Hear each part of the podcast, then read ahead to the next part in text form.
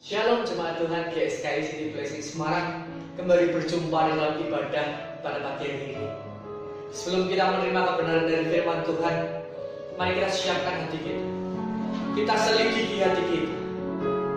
Inilah saat kita berjumpa pribadi lepas pribadi dengan Tuhan. Pilih hati kita. Biarkan apa yang kita lakukan hari-hari ini Itu berkenan di hadapan Tuhan.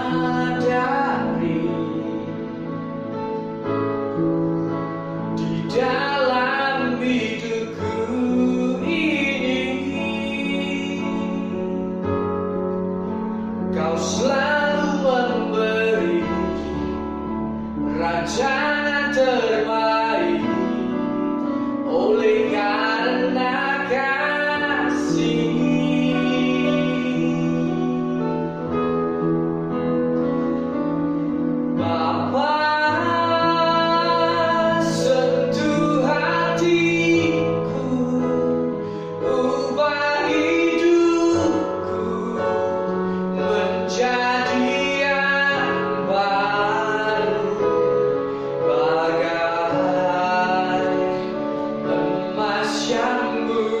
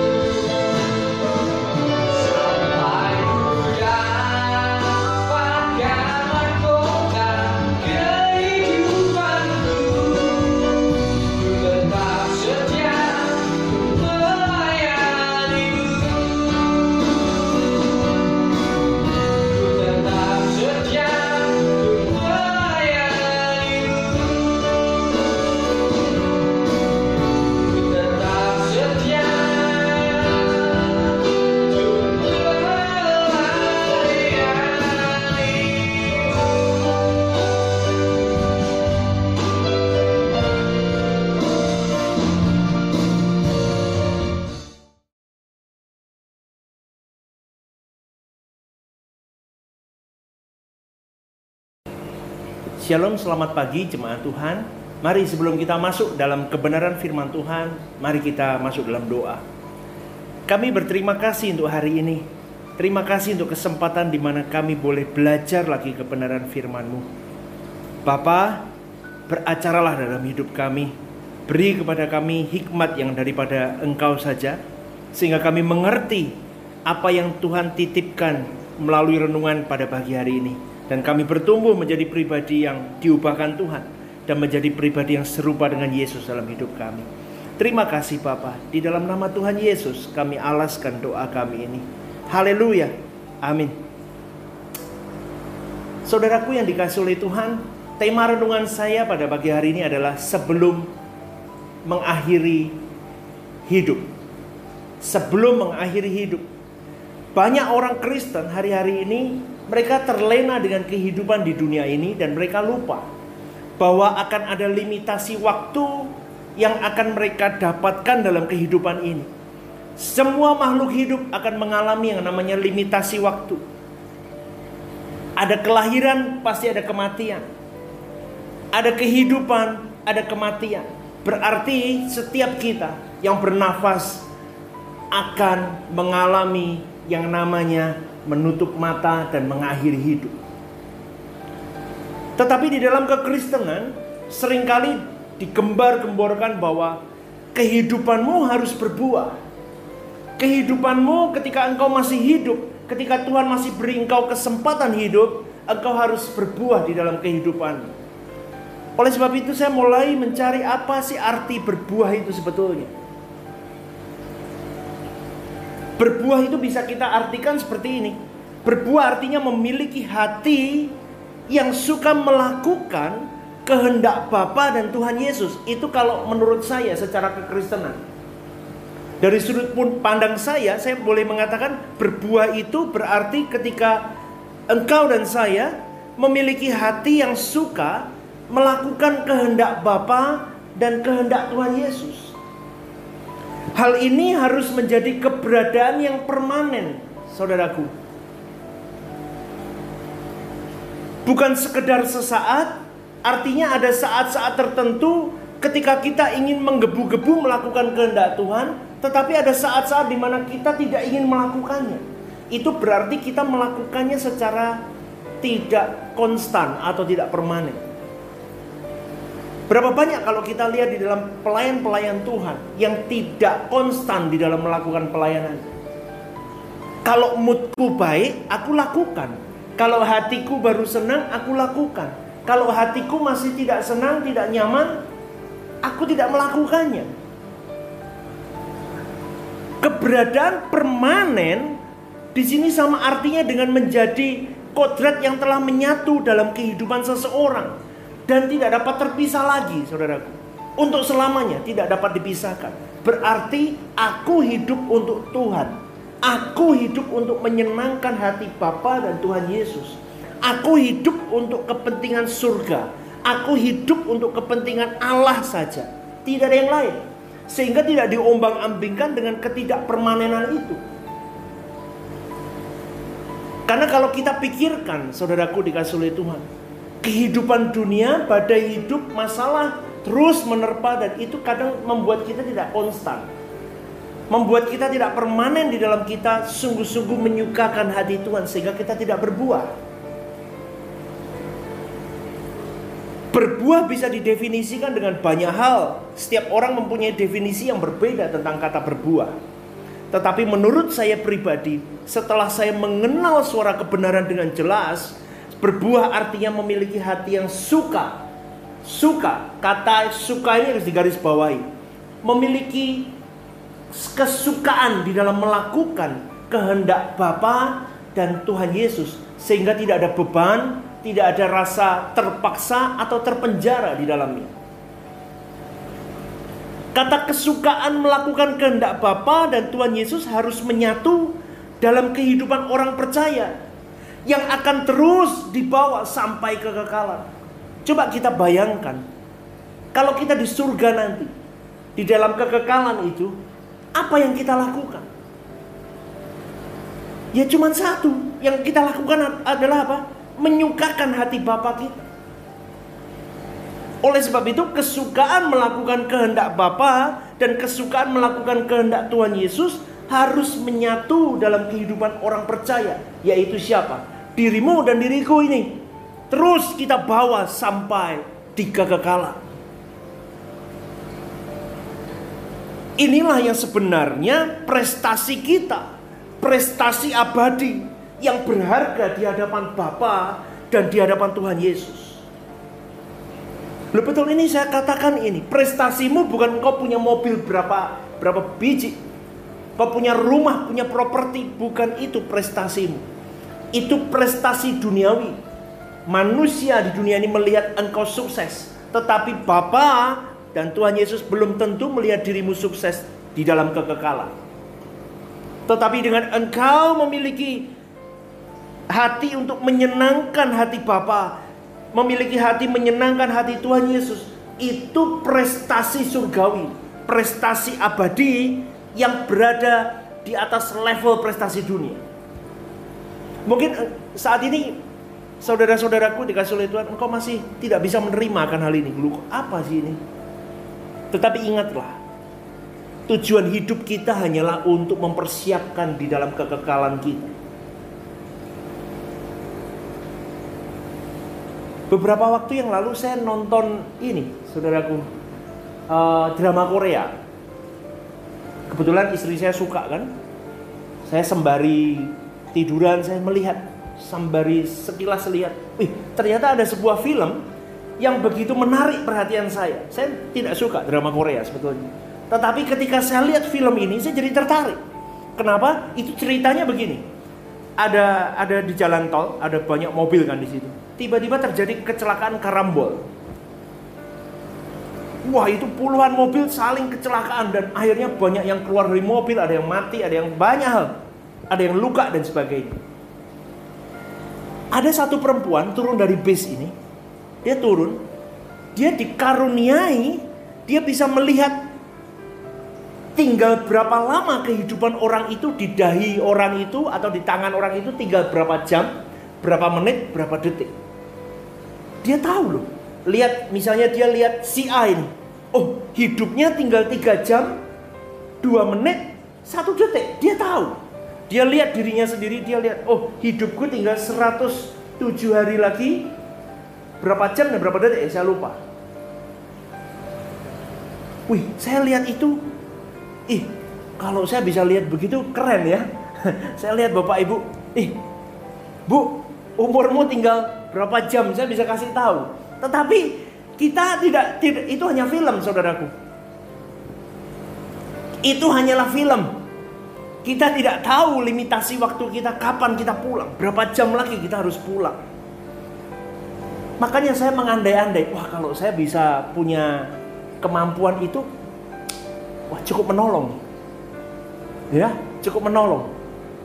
Besok mau meninggal, saya sudah ngomong, eh besok mau meninggal. Kamu bisa bertobat dulu, bersiapan dulu. Lah kan kalau kita bisa punya karunia itu. Itu hanyalah film. Jadi kenyataannya apa? Kenyataannya tidak ada yang tahu kehidupan kita sampai kapan. Kelihatannya masih muda, masih ganteng, belum menikah, masih sehat. Eh tiba-tiba dipanggil Tuhan. Kelihatannya masih cantik, masih kuliah, masih meneruskan S2, S3, masih banyak mimpi. Eh, tiba-tiba dipanggil Tuhan, nggak ada yang tahu, apalagi COVID. Saudaraku dikasih oleh Tuhan. COVID itu peringatan untuk kita.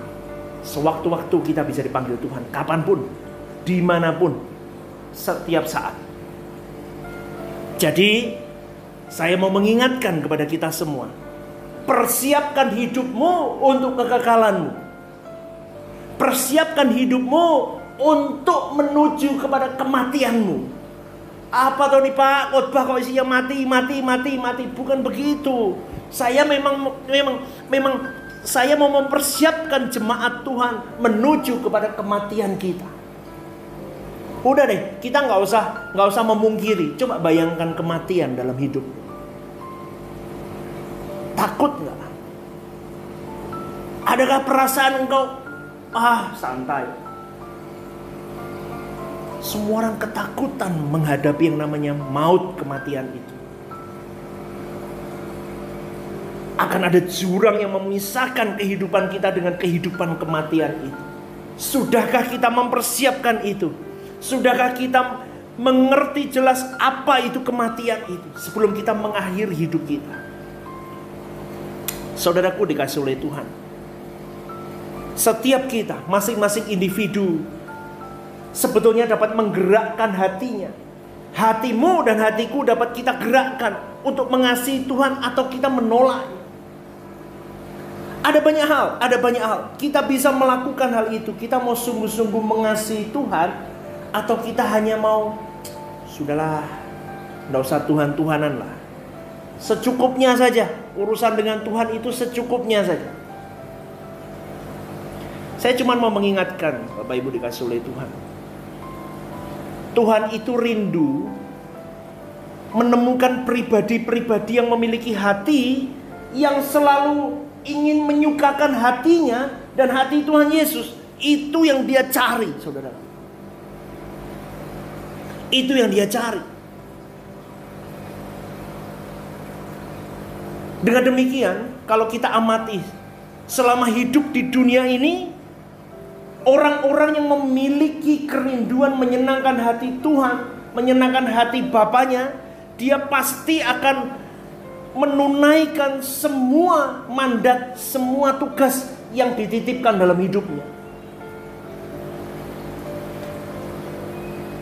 Itu terlihat sekali bagaimana dia melakukan pekerjaan Tuhan di semua aspek, di semua lini bidang yang dititipkan Tuhan atas hidupnya.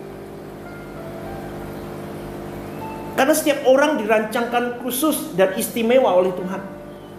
Tidak ada orang, tidak ada pribadi yang diciptakan Tuhan dengan sesuatu yang buruk dan dibedakan. Tidak ada.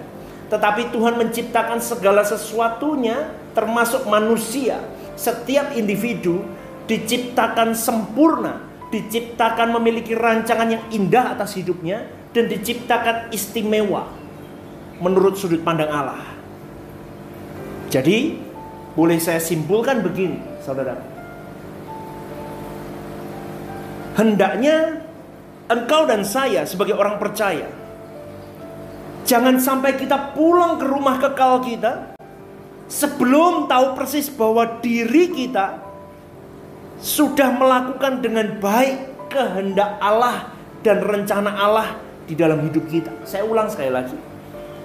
Sebaiknya atau hendaknya saudara dan saya sebagai orang percaya janganlah kita pulang ke rumah kekal sebelum kita tahu persis bahwa dirimu dan diriku sudah melakukan dengan baik kehendak Bapa dan rencana Bapa di dalam hidup kita. Jadi kalau hari-hari ini saudaraku, hidupmu hanya fokusnya ke uang, hidupmu yang fokusnya kepada pemenuhan jasmani, hidupmu hanya fokusnya kepada mujizat, hidupmu fokusnya hanya kesenangan dunia, saya ingatkan sekali lagi, engkau belum layak di hadapan Allah. Engkau akan terbuang dari hadirat Allah. Saya katakan itu. Engkau boleh Kristen, engkau boleh menjadi umat Tuhan puluhan tahun sejak lahir atau apa pun I don't care. Tetapi saya mau katakan engkau pasti terbuang dari hadirat Allah. Kenapa? Karena engkau belum melakukan kehendak Allah. Fokus hidupmu bukan Allah, fokus hidupmu bukan menyenangkan hati Tuhan, tetapi fokus hidupmu hanyalah untuk egomu, untuk kesenangan dunia, kesenangan dagingmu, dan pemuas hawa nafsu. Saya katakan ini dengan jelas. Saya ingin Anda mengerti dengan benar apa itu kekristenan, apa itu agama Kristen, apa itu hidup Kristen yang benar. Jadi jangan pernah Anda beragama hanya untuk dapat hal-hal dunia dan dipermudah di dalamnya. Saya setiap khotbah selalu menekankan hal ini. Kristen tidak menuntut Tuhannya. Kristen tidak mengatur Tuhannya. Kristen tidak kurang ajar dengan Tuhannya. Tetapi kekristenan yang benar adalah duduk dekat kaki Tuhan. Setiap hari dekat, melekat, peka, kerak dengan Tuhannya. Dan tanya kepada Tuhannya. Apa yang Tuhan mau dalam hidupku? Apa yang Tuhan rencanakan yang yang Tuhan mau taruh dalam hidupku untuk orang lain? Apa yang Tuhan rencanakan dalam hidupku untuk karyawanku? Apa yang Tuhan rencanakan dalam hidupku untuk pimpinanku? Apa yang Tuhan rencanakan dalam hidupku untuk orang tua, keluarga, dan pelayananku? Itu Anda harus tanya dengan jelas dalam hidup Anda, saudaraku. Banyak orang lupa akan hal ini. Banyak orang lupa akan hal ini. Kekristenan hari-hari ini di-create dengan khotbah-khotbah yang sudah boleh saya katakan tidak lagi murni. Engkau umat pemenang, engkau klaim janji Tuhan, engkau ini dan itu. Stop. Saya cuma mau katakan, saudaraku. Tidak usah bingung dengan pemenuhan kebutuhan jasmani hidupmu. Kalau engkau percaya bahwa Allahmu Allah Immanuel, Allah yang selalu beserta dalam hidupmu. Mana mungkin Allah yang Immanuel itu membiarkan hidupmu tidak kekaruan jika engkau menyenangkan hati Bapamu. Allah kita bukan Allah yang tidak bertanggung jawab atas hidup kita. Bahkan dari segi yang paling kecil sekalipun sampai nafas pun, oksigen pun Tuhan sediakan semuanya rapi dalam kehidupan. Tetapi ironiknya, kekristenan yang dangkal, kanak-kanak dan kekristenan yang maaf ya, saya bisa katakan tidak murni, merusak esensi suara kebenaran itu dan memutarbalikkan bahwa seakan-akan Tuhan itu murahan. Seakan-akan Tuhan itu gampangan. Dan produk-produk akibat dari orang dari apa pembelajaran seperti itu. Lihat orang-orang yang Kristen yang seperti itu. Kalau baru dapat berkat Tuhan, oh haleluya, statusnya hebat. Statusnya Tuhan Yesus baik. Tuhan Yesus maha kuasa. Tuhan Yesus luar biasa. Oh statusnya luar biasa saudaraku. Posting-posting, wah hebat, status WA-nya hebat. Tetapi kalau sedang dalam masalah, lihat bagaimana mereka menulis status.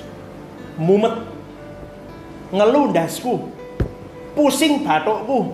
Aduh, saya sampai kata, ya Tuhan, kerjaan sepi, ngomel, WA status dan semuanya. Saudaraku dikasih oleh Tuhan. Seorang anak Allah Engkau dan saya kalau engkau mengaku saya anak Allah, engkau dan saya harus memiliki kepekaan untuk mengerti kehendak Tuhan dan menemukan rencananya dalam hidup kita pribadi lepas pribadi. Caranya gimana, Pak? Duduk dekat kaki Tuhan, kau harus punya waktu buat Tuhan. Wah, enggak bisa, Pak. Bangun pagi aja saat teduh susah. Bagaimana engkau bisa memiliki kepekaan dengan Tuhan? Kalau engkau tidak punya waktu untuk Tuhan, saudaraku dikasih oleh Tuhan untuk memiliki kepekaan, seseorang harus memiliki waktu dengan Tuhan secara pribadi. Waktu dengan Tuhan juga harus ada waktu engkau dicerdaskan dengan firman Tuhan. Coba kita review saudaraku. Berapa banyak orang punya satu keluarga Kristen, berapa banyak dia punya Alkitab di rumah? Bisa lima ya? Baptis dikasih CD dikasih. Belum lagi nanti baptis percik dikasih baptis selam dikasih lagi pindah gereja dikasih lagi. Belum lagi menikah dikasih lagi. Jadi berapa banyak Alkitab ini di rumah orang Kristen berapa banyak Alkitab di rumahnya tetapi tidak pernah dibaca sama sekali sampai berjamur sampai oh kadang ada yang berjamur, kadang ada yang masih mulus sekali, masih seperti baru. Saudaraku dikasih oleh Tuhan. Kepekaan ini bisa kita dapatkan kalau kita dicerdaskan dengan firman Tuhan. Ditajamkan dengan kebenaran firman. Dipekakan, dibakar semangatmu untuk melihat, untuk membelajar, untuk untuk belajar, untuk mengeksegesis, untuk mencari kebenaran itu ketika engkau memiliki kepekaan kedekatan dengan Tuhan. Relation itu yang akan membuat kita semakin wah semakin ingin mengerti, mengenal. Sama dong. Kalau kita mau anak anak-anak muda kalau punya pacar, sebelum menikah pasti mereka punya kedekatan dulu semakin hari semakin ingin mengerti lebih dalam tentang pasangannya, calon pasangannya ini. Semakin ingin lebih dalam, semakin ingin lebih deep. Apa yang dia mau sebetulnya? Oh si A ini sukanya ini, oh si B sukanya ini. Mereka bisa berinteraksi dengan baik. Sama hubungan kita dengan Tuhan. Untuk engkau bisa memiliki kepekaan apa yang Tuhan mau dalam hidupmu, engkau harus dicerdaskan dengan kebenaran firman. Engkau harus ditajamkan dengan kebenaran firman itu. Mendengar suara kebenaran, tajam. Belajar suara kebenaran yang murni. Belajar dengan jelas, barulah langkah pertama untuk bisa engkau berbuah.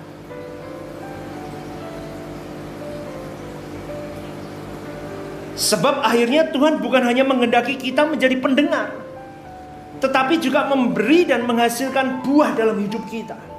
Kalau langkah pertama ini kita tidak bisa memiliki keintiman, kita tidak bisa dipertajam dengan kebenaran firman Tuhan. Bagaimana kita bisa berbuah? Banyak orang Kristen yang tidak mendengar firman Tuhan dengan benar, sehingga tidak memiliki kepekaan dan kehendak rencana Tuhan dengan jelas. Tidak tepat sasarannya. Hamartia tidak tepat melenceng. Jadi rencana dan kehendak Allah yang seharusnya dibidik dengan jelas dengan suara kebenaran ini, ini toolsnya. Ini adalah tools, alat untuk engkau bisa mengerti kehendak Tuhan. Ini alatnya. Tetapi karena alat ini ditafsirkan salah, alat ini melenceng, maka kehendak dan rencana Allah pun ikut melenceng, saudara. Dan akhirnya apa? Banyak kalau kita lihat kekristenan hari-hari ini tidak menghasilkan buah. Mereka tetap orang baik. Mereka masih menjadi orang-orang yang baik. Tidak ada masalah. Tetapi dalam hidup mereka hanya untuk memenuhi keinginan dan cita-cita hidup mereka. Tuhan tenderku Tuhan. Dalam nama Yesus. Tuhan lancarkan. Darah Yesus pasti melancarkan. Wah wes, itu pokoknya sudah. Jadi jimatnya orang Kristen. Jimat. Wah, ngeri. Ngeri. Maka dari itu, saudaraku dikasih oleh Tuhan standar hidup kita harus seperti standar hidup Yesus yaitu apa? melakukan kehendak Bapa dan menyelesaikan kehendak Bapa itu dalam hidup kita. Saya ulang sekali lagi. Kehidupan orang percaya seharusnya standarnya adalah apa? Seperti yang standar Yesus miliki, yaitu apa? Melakukan kehendak Bapa dan menyelesaikan kehendak Bapa dalam hidup kita. Loh Tuhan Yesus kan itu tugasnya. Bahkan uh, di di dalam akhir-akhir hidupnya sebelum disalibkan, Tuhan Yesus berkata apa? Tuhan, Bapakku, jika boleh, cawan ini berlalu daripadaku. Secara manusia dia katakan kalau boleh lewat Tuhan, kalau boleh Tuhan ini cawan ini lewat daripadaku. Tetapi seorang anak, seorang pribadi yang mengenal hati bapaknya, dia tutup dengan kalimat apa? Tetapi bukanlah kehendakku yang jadi, namun biarlah kehendakmu yang jadi ya Bapak. Beda dengan kekristenan hari ini. Aku pokoknya mau sembuh. Titik. Tidak ada kata biar kehendakmu jadi bukan kehendakku. Tak tidak. Kekristenan hari-hari ini bukan lagi begitu. Kenapa? Karena sering kali diajarkan apa? Klaim janji Tuhan. Katakan, patahkan semua roh-roh ini dan itu, ini dan itu. Akhirnya apa? Dia lupa. Pak, Bu, bukan kehendakmu yang jadi. Biarlah kehendak Tuhan yang jadi kita belajar standar hidup Yesus dalam hidup kita. Setiap momen, setiap detail, setiap jengkal langkah hidup kita. Lakukan kehendak Bapa. Selesaikan dengan tanggung jawab yang baik di hadapan Bapa. Sehingga sebelum kita menutup mata untuk selamanya, sebelum kita mengakhiri hidup kita, sebelum kita sebelum kita putus napas kita, kita sudah mengerti apa yang dikehendaki Allah untuk dilakukan dan harus kita penuhi. Jika hal ini belum dilakukan, pasti saya katakan sekali lagi, saudaraku dikasih oleh Tuhan, pasti jika engkau belum melakukannya, pasti engkau dan saya tertolak di hadirat Allah. Saya ulang sekali lagi, jika engkau belum melakukannya, pasti dirimu dan diriku tertolak di hadirat Allah. Oleh sebab itu, saudaraku dikasih oleh Tuhan, semua kebutuhan lain yang dianggap tidak penting, semuanya sudah tidak penting lagi. Kenapa? Kalau seseorang masih menganggap yang lainnya ada yang lebih penting dari kepentingan mengurus tentang apa yang Tuhan mau, kehendak Tuhan dan menyelesaikan tugasnya, berarti orang itu masih belum paham akan arti kehidupannya. dia belum masuk kepada porsi yang semestinya di dalam kehidupannya.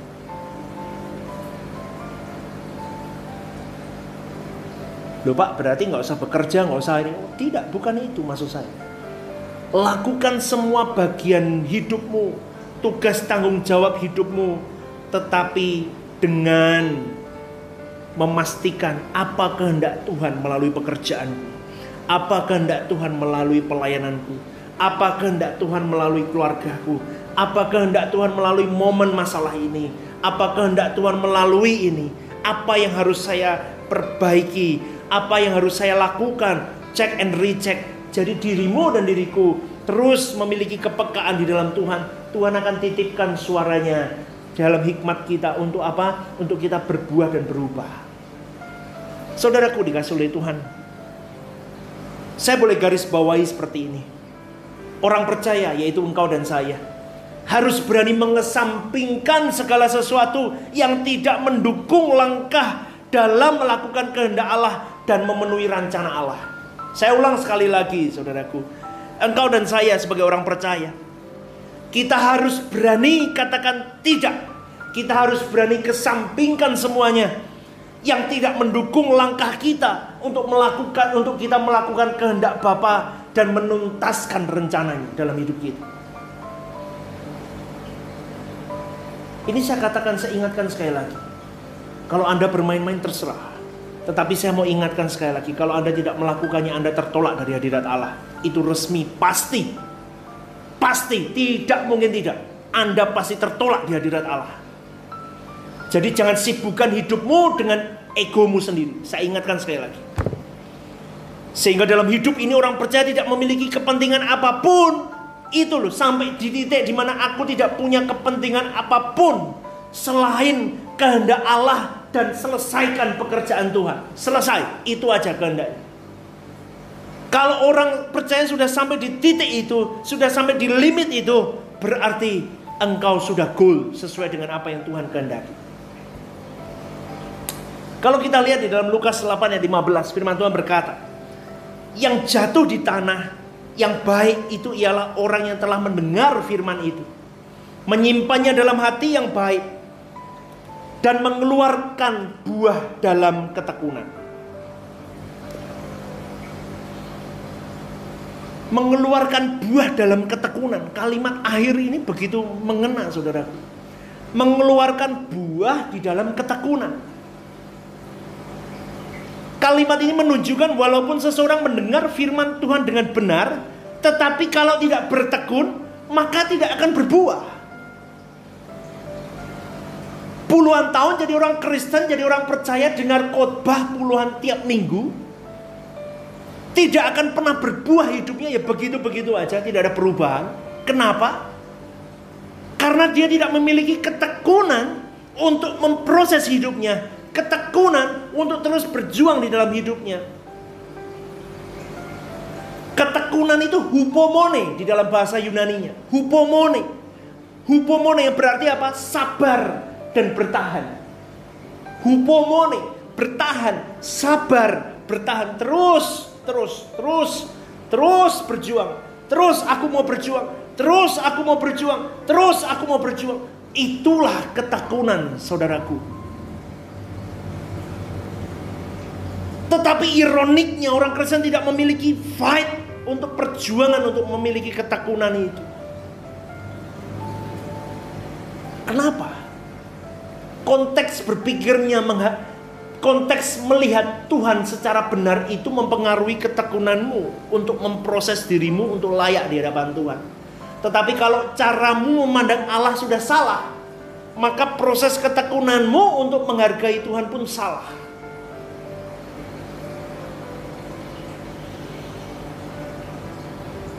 Kalau bisa dikatakan iblis selalu membawa kita kepada ranah di mana kita tidak, kalau bisa engkau tidak usah bertekun di hadapan Tuhan.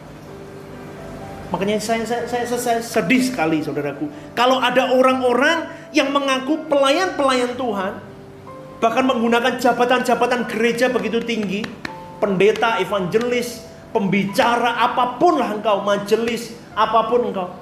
Tetapi tidak memiliki ketekunan di dalam melakukan kehendak Allah dan rencana Allah. Dan menyelesaikan tugas-tugas. Oh, saya kadang katakan, engkau sedang bermain-main dengan Tuhan. Betul, engkau sedang bermain-main dengan Tuhan. Engkau tidak takut dengan Tuhan, tetapi engkau takut dengan agenda-agenda pribadimu. Oh, lihat saja. Lihat saja. Loh Pak, jangan mengancam. Loh, saya tidak mengancam. Tetapi lihat saja, lihat saja. Apa yang Tuhan kerjakan atas hidupmu. Kenapa? Karena engkau melakukan tugas pelayanan, engkau melakukan tugas hidupmu itu hanya bukan untuk Tuhan sebenarnya, tapi hanya untuk Ya sudah aku harus lakukan, selesai-selesai. Dan akhirnya tidak punya sesuatu yang yang berbeda. Ya begitu-begitu aja lah. Saudaraku dikasih oleh Tuhan.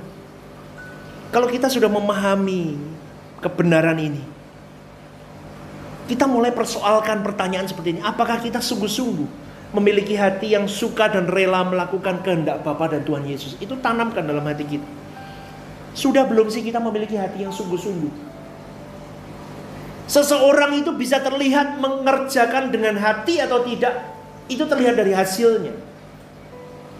Bagaimana cara dia mengerjakannya, kita bisa lihat. Kadang ada orang yang harus diomeli dulu baru dia mau mengerjakan.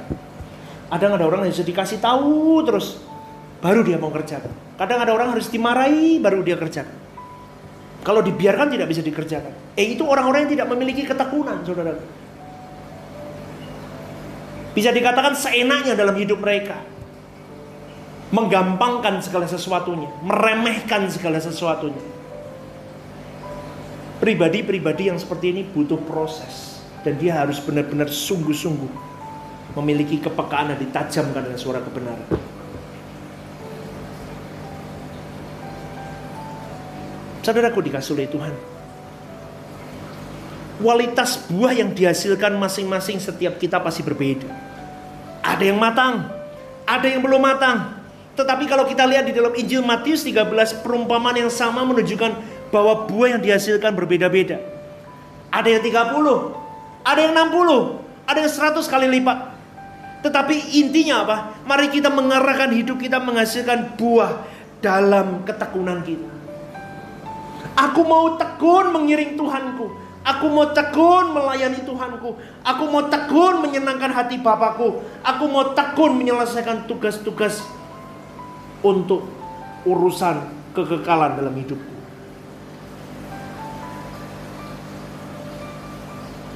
Hamba-hamba Tuhan sudah beribu-ribu kali Anda mendengarkan khotbah ini. Hamba-hamba Tuhan sudah mengingatkan beribu-ribu kali. Ayo sungguh-sungguh Ayo jangan main-main. Ayo ini itu. Tetapi semua kembali kepada Anda, saudara. Keputusan akhir di dalam hidup Anda sendiri. Anda mau sungguh-sungguh untuk Tuhan atau Anda mau sesukanya untuk Tuhan. Depends on you. Bukan kami yang menentukan, tetapi kami hanya sebagai penyambung lidah Allah. Respon tergantung daripada Anda. Anda mau sungguh-sungguh berubah, mau mengambil kesempatan ini, Anda tahu hidup hidup kita ada limitasi waktu, ada batas waktunya. Pergunakan dengan bijak. Kenapa? Karena sesungguhnya nilai kehidupan orang percaya tergantung daripada bagaimana dia memperlakukan Bapa dan Tuhan Yesus. Saya tutup dengan satu kalimat, saudaraku. Sebelum engkau menutup mata untuk selama-lamanya, seharusnya engkau sudah mengerti apa yang dikehendaki Allah untuk dilakukan dan rencana Allah untuk dipenuhi. Kiranya pada pagi hari ini firman ini mengingatkan pada kita. Jangan bermain dengan waktumu. Milikilah hubungan intim dengan Tuhanmu. Hubungan yang kerak dengan Tuhanmu. Sehingga akan Tuhan akan tuntun, Tuhan akan beri kepada dirimu hikmat apa rencana Tuhan atas hidupmu. Dan selesaikan rencana Tuhan jika engkau sudah diberi tanggung jawab di dalam pelayananmu, di mana pun, setiap lini hidupmu, dengan selesaikan, selesaikan dengan penuh tanggung jawab, dan biarlah Tuhan melihat bahwa dirimu spesial di mata Allah. Mari kita masuk dalam doa. Kami bersyukur Tuhan. Kami diingatkan menjadi pribadi di atas rata-rata lagi. Kami diingatkan khotbah hari ini kami harus menjadi pribadi di atas rata-rata lagi. Sebelum kami menutup mata kami, sebelum kami mengakhiri hidup kami, kami sudah menjadi pribadi yang menyenangkan dan menyelesaikan tugas yang Tuhan dan Bapa beri dalam hidup kami. Pakai kami Allahku, pakai setiap jemaatmu di mana pun mereka mendengar firman Tuhan pada pagi hari ini. Mereka diubahkan, mereka sadar dan mereka bertobat mereka akan terus berjuang di dalam ketekunan mereka. Tekun, sabar, terus berusaha untuk terus menjadi pribadi yang menyenangkan hati Tuhan sampai akhir hidup mereka.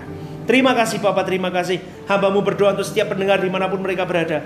Tuhan beserta Allahku Allah Immanuel menyertai mereka selalu. Dalam nama Yesus kami berdoa dan bersyukur. Haleluya, haleluya. Amin. Amin.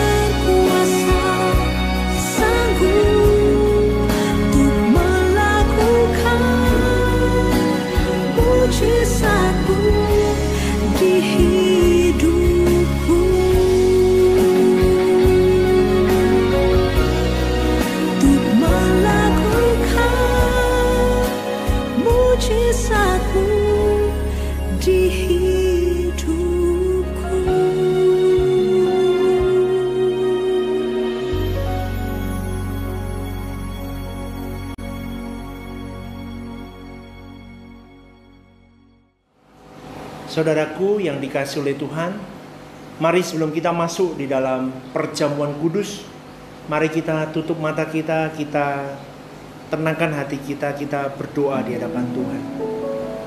Oh haleluya Jesus. Katakan kepada Tuhan, Tuhan ini aku. Aku mau belajar menjadi pribadi yang lebih baik. Aku mau belajar menjadi pribadi yang menyenangkan hati Tuhan. Melakukan kehendakmu dan menyelesaikan tugas-tugas. Sampai di mana kami harus menutup mata. Kami menjadi pribadi yang membanggakan hati Tuhan. Katakan itu kepada Tuhan. Oh haleluya Jesus. Haleluya. Haleluya Tuhan. Saudaraku dikasih oleh Tuhan, angkat roti ini di tangan kanan kita. Sebab apa yang telah kuteruskan kepadamu telah kuterima dari Tuhan, yaitu bahwa Tuhan Yesus pada malam waktu ia diserahkan mengambil roti dan sesudah itu ia mengucap syukur atasnya berkata, Inilah tubuhku yang diserahkan bagi kamu, perbuatlah ini menjadi peringatan akan aku. Apakah saudara-saudari, bapak dan ibu percaya bahwa roti ini menunjuk kepada tubuh Yesus yang telah dipecah-pecahkan bagi kita? Makanlah dalam nama Tuhan Yesus.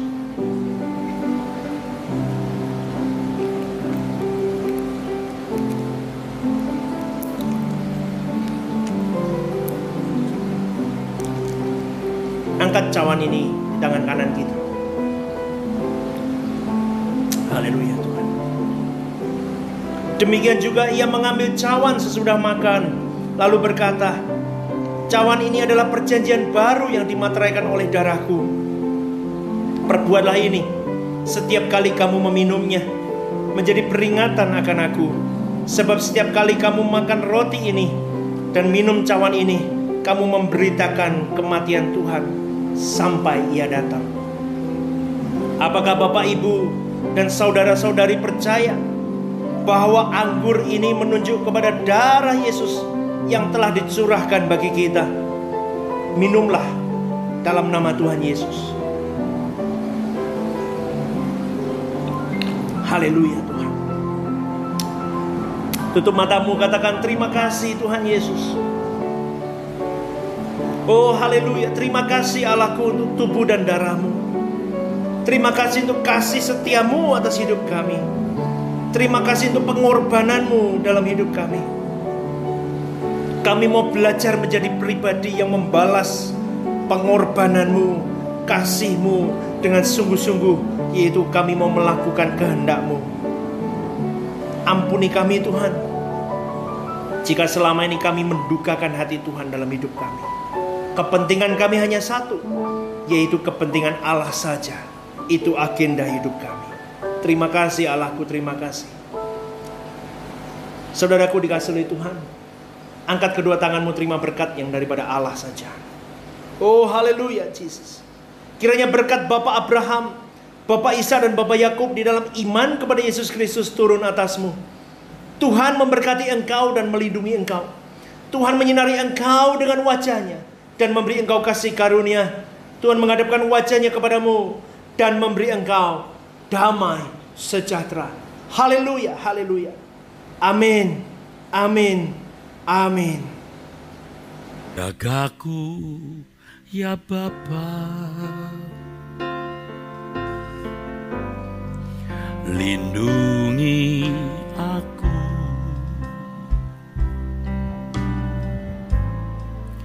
agar ku dapat tidak bercela di hadapanmu.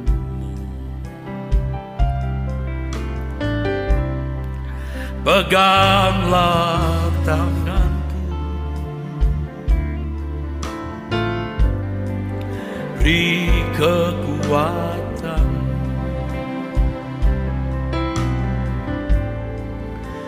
Sampai akhir hayatku di hadapanmu Bapa. Aku berkenan.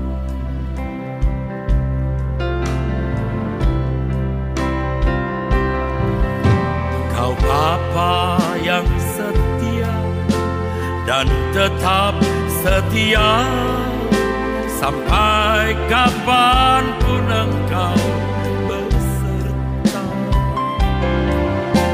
dalam pergumulan saat kepitikan nasihatmu selalu kau berikan. Padamu ku percaya dan tetap ku percaya kau batu karang perlindunganku hanya mau pulang ke rumah Bapa tenang. Wajah Tuhan Yesus rinduku pandang. Kau Bapa yang setia dan tetap setia sampai kapan pun